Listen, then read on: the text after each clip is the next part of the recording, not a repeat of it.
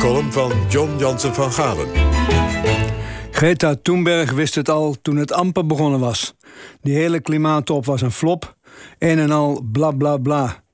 Zo zet je jezelf wel op een voetstuk, hoog verheven boven het gemompel van bedelaars die zich aan vergadertafels het hoofd breken over moeizame compromissen. Vroeger bestond het klimaat helemaal niet als kwestie.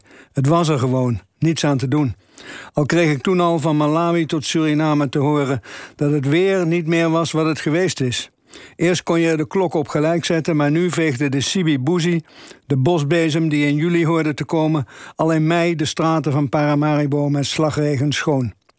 Dat kwam, zei men, door de atoomproeven of de maanreizen. We vermoeden toen dus al dat het mensenwerk was.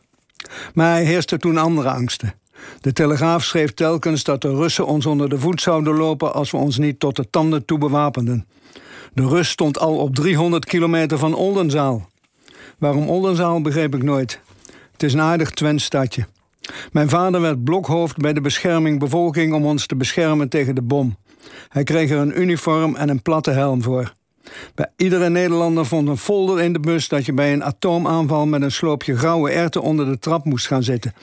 Wat je met die erten moest doen, stond er niet bij. In 1962 verscheen Silent Spring van Rachel Carson. Het eerste boek over de naderende milieuramp. Wie het las zei dat het angstaanjagend was en dus las ik het maar niet. Acht jaar later kwam de Club van Rome met nieuwe opstijdingen over het milieu. Ik werkte bij de Haagse Post, die het voortouw nam in deze beweging, maar denk niet dat wij jonge redacteuren daaraan enthousiast meededen. Het ging meer uit van onze hoofdredacteur, een man die in Dachau had gezeten en depressief was. Het verklaarde volgens ons waarom hij zo gretig de ondergang van de wereld voorspelde. Wie zichzelf ten onder voelt gaan, wil graag dat de hele wereld met hem ten onder gaat.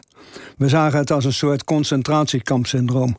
En Seco Manswald, die opeens verkondigde dat er grenzen aan de groei moesten komen, vertrouwden we als profeet al helemaal niet, nadat hij zijn hele carrière als minister van Landbouw en eurocommissaris op groei had gebouwd.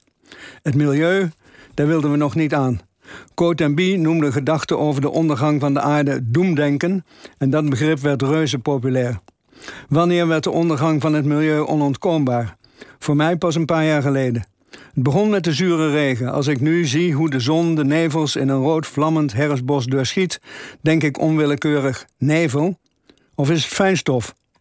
De berken staan er nog prompt bij, maar in het bladerdak van beuken en eiken vallen steeds grotere gaten. Ja, wij waren te traag van begrip. Maar als Greta Thunberg nu zegt dat het allemaal maar bla bla bla is wat daar in Glasgow gebeurt, denk ik: wat verbeeld je je wel? Ga dan in je eentje de wereld redden. Je hebt blijkbaar de wijsheid in pacht en de hoop al opgegeven dat we er nog iets van kunnen maken met z'n allen op de valreep.